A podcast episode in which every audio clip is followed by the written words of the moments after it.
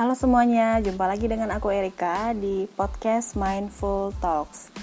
Apa kabar kalian semuanya? Aku harap uh, semuanya dalam keadaan sehat dan baik-baik saja.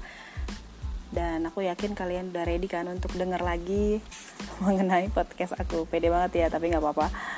Jadi kali ini aku mau bahas tentang um, pastoral counseling karena aku yakin sebenarnya ada beberapa teman-teman yang punya ketertarikan untuk belajar mengenai pastoral counseling, tapi mungkin kesempatan untuk studi itu belum memungkinkan atau memang tidak berniat gitu ya untuk studi khusus pastoral counseling. Mungkin dengan mendengarkan podcast ini kalian sedikit banyak tahu lah ya uh, pastoral counseling itu apa. Jadi kalau misalnya ke depan ada yang bertanya, kalian bisa jawab. Atau kalau saudara kalian, teman kalian butuh informasi mengenai pastoral counseling kalian bisa sedikit menjelaskan atau bahkan ada uh, juga sanak saudara yang membutuhkan pelayanan pastoral counseling. Oke, tanpa berlama-lama langsung saja kita mulai dari definisinya apa itu pastoral counseling. Sebelumnya aku mau uh, jelasin ya kalau apa yang aku sampaikan di sini aku merujuk buku dari Pendeta Yakub Susabda yang berjudul konseling pastoral. Nah, ini isi bukunya adalah pendekatan konseling pastoral berdasarkan integrasi teologi dan psikologi. Dan juga mungkin aku akan masukin sedikit eh, hal-hal uh, yang aku pelajari di kampus lah ya mengenai pastoral konseling ini. Pastoral konseling itu sendiri adalah uh, percakapan terapeutik. Jadi bukan hanya percakapan biasa gitu ya, kayak ngobrol-ngobrol, kita lagi nongkrong di warteg misalnya lagi makan siang terus ngobrol ngalor ngidul gitu. Bukan gitu ya. Jadi konseling pastoral itu percakapan yang ada unsur terapinya gitu. Antara konselor bisa juga pastor atau pendeta dengan konseli atau klien. Jadi tujuannya adalah supaya konselor ini bisa membimbing klien dalam suatu percakapan konseling yang kondusif. Jadi nggak ada perasaan diserang, nggak ada perasaan dijudge atau dijatuhkan, tetapi konselor itu bisa memahami si konseli ini sehingga uh, konseli ataupun klien bisa mengenal dan mengerti apa sih yang sedang terjadi dalam diriku misalnya. Jadi punya kesadaran atau self awareness istilahnya. Persoalan apa yang sedang sebenarnya dihadapi, bagaimana kondisi hidupnya saat ini dan mengapa ya kok bisa merespon dengan pola pikir, perasaan, dan sikap-sikap tertentu. Jadi konselor akan menolong dia semakin menyadari mengenal dirinya sendiri dan menolong juga untuk klien ini melihat sebenarnya potensi dirinya apa, kekuatan dirinya apa, dan bagaimana Tuhan bisa menolongnya dalam situasi-situasi hidupnya saat ini. Juga bagaimana uh, dia bisa mencapai tujuan dan tanggung jawabnya di hadapan Tuhan.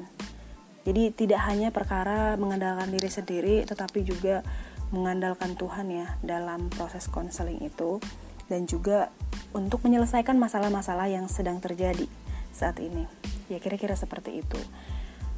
Nah, selanjutnya aku mau bahas bahwa terkadang memang konseling pastoral ini disalahpahami ya, disalahpahami kayak misalnya kita kan nggak terlalu penting ya psikologi itu gitu. Ya konseling konseling aja. Kan hamba Tuhan siapa pun itu bisa melakukan konseling. Apa benar gitu ya. Terus apa benar bahwa um, konseling itu ya paling pemberian nasihat lah. Kalau misalnya kita lagi ada masalah kita sharing atau curhat ke hamba Tuhan kita kita doa tumpang tangan misalnya atau kita dikasih nasihat terus dikasih firman Tuhan udah cukup gitu apa seperti itu pastoral counseling ini? Nah ternyata tidak ya teman-teman.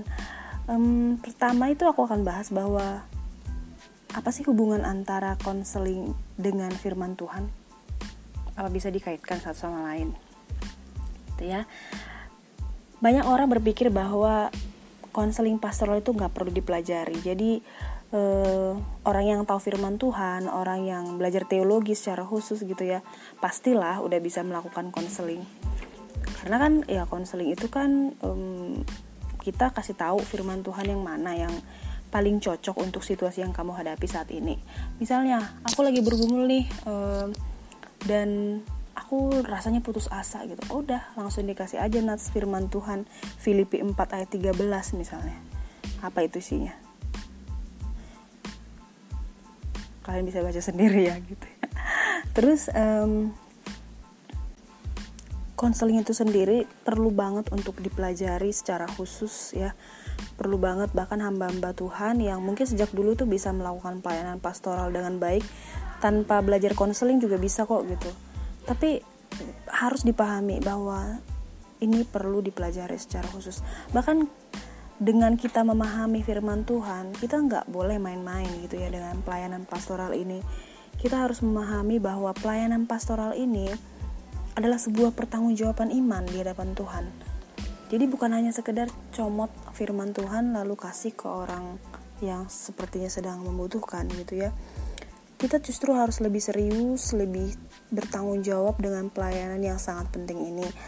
Dan kita juga harus melihat bahwa pelayanan mimbar saja tidak cukup. Jadi pelayanan firman Tuhan melalui mimbar, melalui khotbah di hari Minggu atau di ibadah-ibadah uh, di gereja itu nggak cukup ternyata. Kenapa nggak cukup? Karena kita tuh butuh pendekatan lebih personal gitu ya. Kita butuh pendekatan uh, yang memang pribadi lepas pribadi karena memang akan beda banget ya teman-teman kita nggak bisa samakan gitu ya si A dengan masalah perceraian dengan si B masalah misalnya perjinahan gitu. Tapi kalau misalnya kita nggak belajar konseling dan nggak melibatkan firman Tuhan kita bisa salah kaprah kita bisa mungkin akan hanya membahas tentang dosa untuk kedua hal ini udah gitu. Tapi orang tersebut justru sebenarnya nggak mendapatkan solusi atas masalah yang sedang dihadapinya dengan mengkaitkan antara konseling dengan firman Tuhan, setiap orang itu dilayani pribadi lepas pribadi secara unik, sesuai dengan permasalahan pribadinya, sesuai dengan kapasitas dirinya, sesuai dengan prinsip-prinsip kebenaran yang kita bisa bagikan ke dia. Di sini uh, Pak Yakub menuliskan ya bahwa individu yang dewasa menyadari bahwa kebenaran firman Tuhan dalam banyak hal mesti diterjemahkan dalam bahasa yang tepat sesuai dengan kebutuhan yang sesungguhnya dari setiap individu manusia dalam keunikannya masing-masing. Atau ia tidak akan menjadi seperti tanda kutip buah apel emas di pinggan perak. Jadi kalau misalnya ini ya, ini disilahkan kayak melemparkan mutiara kepada babi. Kalau kamu hanya memberikan firman Tuhan kepada orang yang mungkin sedang bergumul, itu kayak mental gak sih? Kayak oke okay, mungkin saat ini dia akan sedikit terhibur gitu. Tapi setelah itu apa gitu? Integrasi antara konseling dengan firman Tuhan ini justru menolong pribadi-pribadi itu ditolong sesuai dengan kebutuhan dan kondisi yang saat ini. Oke, okay, um, yang kedua adalah apa hubungan antara konseling dengan pemberian nasihat? Nah, ini aku tadi sudah bahas sedikit ya. Kok seolah-olah konseling itu hanya sebuah pemberian nasihat? Ternyata bukan ya teman-teman. Konseling itu bukan hanya pemberian nasihat. Memang di dalam konseling ya mau nggak mau ya, ada memang klien-klien yang akhirnya tidak bisa memikirkan sendiri mengenai situasinya gitu dan pada akhirnya ya, pada akhirnya setelah kita berusaha mungkin tapi nggak bisa gitu kita tetap akan berikan nasihat-nasihat masukan-masukan tapi bukan itu yang bukan satu-satunya lah ya bukan satu-satunya pemberian nasihat bukan konseling atau kayak tadi aku contoh gitu kan hanya cukup kasih nuts doakan cukup gitu. Nah juga bukan sama dengan khotbah. Kamu nggak bisa tuh khotbahin orang gitu. Bayangin gak sih kalau kamu tuh lagi uh, grieving tahu grieving kan? Misalnya kamu lagi berduka karena kehilangan seorang yang sangat kamu kasihi gitu. Terus kamu dihotbahin sama teman kamu atau mungkin hamba Tuhan yang ada di gereja kamu gitu ya. Maaf ya maaf nih. Dan mungkin ada juga teman yang bilang udah nggak apa-apa. Dia udah tenang bersama Bapak di surga. Kamu harus move on. Kamu harus menjalani hidupmu. Udah jangan bersedih lagi. Karena kamu merasa malu kalau harus terus menangis karena kehilangan orang yang kamu kasih itu gitu. Tahu gak sih nasihat itu rasanya tuh kayak menyebalkan ya justru kamu kesel gitu dengan orang yang selalu bilang jangan nangis. Udah dia udah bahagia di sana. Itu ngeselin kan gitu. Nah tapi dengan kamu e, belajar bahwa konseling itu bukan pemberian nasihat kamu hari bisa ngerti kamu bisa mungkin kamu hanya perlu duduk diem atau memeluk dia nemenin dia menangis tanpa harus mengatakan apa-apa. Mungkin dia lebih butuh itu. Dia butuh tempat untuk mengekspresikan kemarahannya kesedihannya ketidakterimaannya atas meninggalnya orang yang dikasihinya gitu ya. Bahkan ketika konseling terkadang ya konselor hanya membiarkan dia untuk um, meluapkan emosinya katarsis istilahnya gitu ya supaya dia lega dulu gitu. Supaya emosi-emosi yang selama ini mungkin tidak bisa diekspresikan dengan tepat dengan leluasa itu bisa keluar dulu. Tapi kalau kita udah langsung menasihati tahu nggak sih air mata itu udah di pelupuk mata rasanya masuk lagi gitu. Karena nasihat lu tuh nggak tepat banget coy gitu ya. Nggak nggak pas tempatnya gitu. Ya kira-kira seperti itu. Nah jadi seperti apa sebenarnya? Kalau bukan pemberian nasihat seperti apa dong? Apa yang benar gitu? Pemberian nasihat dalam konseling tetap ada tadi seperti yang aku sudah sampaikan tapi itu hanya bagian dari konseling itu sendiri bukan satu-satunya gitu ya ternyata konseling itu adalah bagaimana kita sebagai seorang konselor melalui Roh Kudus itu menolong dia, membimbing dia untuk melihat gitu loh, melihat ini loh masalah kamu gitu. Ini masalah kamu dan lihat kekuatan ini loh yang kamu miliki untuk bisa bertahan dengan masalah ini untuk menghadapi masalah ini. Lalu kita menolong dia untuk melihat dengan kesadaran menemukan kekuatan menghidupkan dorongan atau drive gitu. Tahu gak sih kalau orang sedang bermasalah itu kayak putus asa gitu loh. Bahkan ada dorongan untuk melakukan sesuatu supaya masalah ini selesai juga nggak ada. Jadi kita sebagai konselor itu menolong dia untuk menghidupkan dorongan-dorongan dalam dirinya supaya dia bisa menyelesaikan masalahnya sendiri. Teman-teman kita baik sebagai konselor ataupun kamu sebagai teman sebagai sahabat jangan pernah menyelesaikan masalah orang lain untuk dia. Dia tuh punya kapasitas untuk menyelesaikan masalahnya sendiri jadi kita hanya menolong dia, membimbing dia untuk melihat lebih realistis dengan masalahnya ini. Kalau kita sedang dalam masalah, sering sekali kita itu berada dalam lingkaran masalah itu sendiri, berkubang dalam lingkaran masalah itu dan no way out gitu, kayak nggak ada jalan keluar gitu. Tapi kalau ada konselor, ada teman, ada sahabat yang membantu kita melihat, kita bisa melihat masalah itu di luar lingkaran. Bisa kebayang gak sih? Kamu berada di antara lingkaran masalah itu nggak tahu jalan keluar dengan kamu. Kamu di luar lingkaran masalah itu. Jadi kamu bisa melihat masalah ini seperti apa apa yang terjadi lalu kekuatan apa yang aku miliki supaya aku bisa keluar dari masalah ini. Apa yang harus kulakukan? Lalu siapa orang-orang di sekitarku yang aku bisa minta bantuan untuk berjalan sama-sama dengan aku menyelesaikan masalah yang ada? Seperti itu. Oke okay, uh, eh, jadi sekali lagi bahwa konseling itu bukan pemberian nasihat dan konseling tidak hanya tentang pemberian nasihat. Jadi stop ya ini nasihat-nasihat ke orang lain. Misalnya eh kamu um, kenapa sih kayak murung selalu? Kayaknya kamu depresi. Terus udah dong gembira dong gitu kan. Masalah kan tetap ada misalnya please ya stop gitu karena itu nggak akan menolong dia sama sekali sih oke okay? nah selanjutnya adalah apa sih hubungan antara konseling Kristen dengan psikologi emangnya perlu ya psikologi itu ya jadi, konseling pastoral atau konseling Kristen itu adalah integrasi konseling Kristen dengan psikologi. Jadi, bisa dibilang ya, kok banyak banget ya dari tadi jadinya ya. Maklumilah orang yang tahu teologi itu belum tentu loh bisa konseling. Jadi kalau misalnya kamu udah belajar nih menjadi hamba Tuhan, udah selesai STH, nah belum tentu kamu bisa konseling. Teologi itu memang penting ya, tetapi tanpa psikologi hanya akan menjadi sebuah prasangka, akan hanya menjudge gitu ya. Dan semua orang disamakan karena rasa-rasanya inti dari semua masalah orang lain itu dosa gak sih? Jadi tanpa belajar mengenai psikologi, kita sebagai hamba Tuhan mungkin hanya akan melihat bahwa dosalah yang menjadi akar permasalahan orang ini. Kita bahkan mungkin bisa playing God ya. Playing God itu artinya kita yang mengambil keputusan untuk konseling kita dan dia jadi bergantung kepada kita. Misalnya kayak tadi boleh cerai nggak sih? Misalnya kita langsung bilang nggak boleh kamu jangan cerai dengan dia. Keputusan kita yang ambil kan? Lalu dia akhirnya mengambil keputusan juga berdasarkan apa yang kita sarankan. Tapi dalam pernikahannya misalnya nih ya dia terus KDRT dia terus uh, udah sampai hampir mati lah ya, karena dipukulin sama suaminya. Tapi karena ingat nasihat kamu dia nggak berani bahkan pergi mencari pertolongan.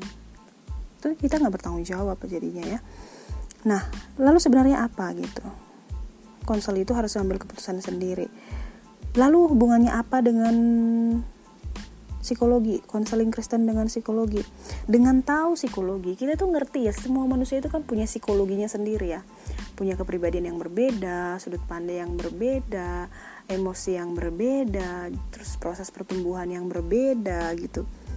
Dengan psikologi kita tuh bisa melakukan pendekatan uh, personal satu demi satu. Tadi mungkin aku udah coba bahas sedikit ya di depannya jadi kalau kamu ketemu dengan orang yang bermasalah, kamu gak bisa tuh praktekin cara penanganan yang kamu lakukan dengan klien kamu sebelumnya. Ini adalah orang baru, kasus baru, dan harus pendekatan yang baru. Bahkan, bahkan dengan masalah yang sama. Misalnya nih, sama-sama putus pacar sampai depresi. Dua orang yang sama-sama putus pacar sampai depresi, Jangan pernah berpikir kamu bisa menangani dengan satu cara. Enggak, ini dua orang yang berbeda, potensi yang berbeda, jalan keluar yang efektif yang berbeda. Intinya semuanya berbeda. Tapi inti dari semuanya adalah bahwa landasan konseling Kristen tetap adalah integrasi. Integrasi itu perpaduan, blend antara teologi dan psikologi. Memang ya, kita harus akui bahwa basic premise atau dasar pemikiran utama untuk konseling Kristen adalah all truth is God's truth. Memang semuanya adalah berdasar kepada firman Tuhan, berdasar kepada kebenaran, berdasarkan kepada firman Tuhan, kebenaran yang Allah nyatakan. Bahkan psikologi sendiri harus terus diuji untuk melihat bagian mana yang tidak berkenan, bagian mana yang tidak cocok untuk uh, diaplikasikan dalam konseling Kristen ya. Nah, untuk itu, teman-teman yang mungkin tertarik belajar mengenai konseling Kristen, ini seperti wake up call gitu ya. Sangat-sangat diperlukan teman-teman. Sangat-sangat diperlukan saat ini karena di mana-mana kita melihat bahwa orang-orang sangat sulit ya menemukan konselor Kristen masih sedikit sekali. Di mana-mana banyak sekali orang yang membutuhkan baik dari keluarga, baik pranikah, baik di sekolah, di mana-mana. Tapi orang-orang yang mau untuk mengerjakan ini masih sangat sedikit gitu ya. Berharap teman-teman yang mungkin sedang bergumul atau sebenarnya ada panggilan hati ke sini mungkin bisa mendoakan ya, bisa berpikir juga gitu karena kebutuhannya sangat besar. Dan konseling pastoral ini menurut saya sangat efektif juga untuk ada di gereja-gereja sehingga para jemaat itu selain mendapatkan pelayanan mimbar, mereka juga mendapatkan pelayanan secara personal dengan permasalahan-permasalahan yang ada. Karena jujur gereja sangat terbatas untuk bisa menjangkau pribadi lepas pribadi dengan jemaat yang banyak, dengan hamba Tuhan juga yang banyak kesibukan, banyak persiapan dan aktivitas yang dikerjakan maka menurut saya sih dibutuhkan sekali para konselor yang memberikan dirinya untuk melayani baik di gereja, di sekolah, baik untuk kebutuhan uh, pasutri, pranika, banyak sekali gitu. Dan ya, mungkin kalaupun tidak terpanggil untuk menjadi konselor Kristen minimal kita perlu tahu ya basic-basic uh, pemikiran ataupun skill atau hal-hal sederhana dari konseling uh, ini. Karena apa? Karena menurut saya sih orang-orang awam juga kalau misalnya tahu ya hal-hal mengenai konseling seperti ini minimal bisa lah nolong temanmu yang sebelahmu lah. Kalau misalnya temanmu lagi depresi jangan terlalu banyak menasehati itu memarahi dia itu nggak akan ngaruh apa-apa gitu. Cukup coba dengarkan dengarkan dengarkan. Jadi skill-skill basic konseling ini memang menurut saya sih sangat perlu dibagikan ya teman-teman baik kepada konselor maupun hamba Tuhan ataupun orang-orang awam di luar sana supaya ngeh gitu bahwa banyak loh masalah-masalah yang aneh-aneh yang sedang terjadi. Mungkin orang-orang di sekitar kita juga kena dampaknya. Mungkin kita bisa menjadi media pertolongan pertama bagi mereka. Demikian untuk hari ini. Semoga teman-teman terbantu walaupun mungkin ngomongnya rada jelimet ya. Terus hmm, mungkin ada bahasa-bahasa yang susah dimengerti. Kalau teman-teman tertarik nih, kalian bisa loh beli bukunya konseling pastoral itu yang tulisan Pak Yakub Susabda itu sangat baik menurut saya. Kalian bisa baca ini untuk bisa memahami lebih jelas mengenai konseling pastoral. Aku nggak tahu ya ini bisa dibeli di Tokopedia apa enggak ya, tapi yang pasti sih bisa dibeli di STTRI sih. kalian bisa cek di websitenya STTRI dan uh, menghubungi staff untuk bisa beli ini bukunya. Bukunya bagus sekali dan menurut saya sih harganya nggak terlalu mahal ya. Dengan dapat buku ini kalian bisa belajar nih minimal tentang understanding itu gimana empati itu gimana acceptance listening reflective listening bagaimana merespon gitu. Itu kan basic basic skill yang yang nggak perlu lah harus jadi konselor untuk bisa tahu mengenai ini. Untuk anak kalian, untuk suami kalian, untuk mertua misalnya, untuk siapa aja deh selagi kalian masih ketemu manusia ini basic-basic skill ini sangat-sangat dibutuhkan.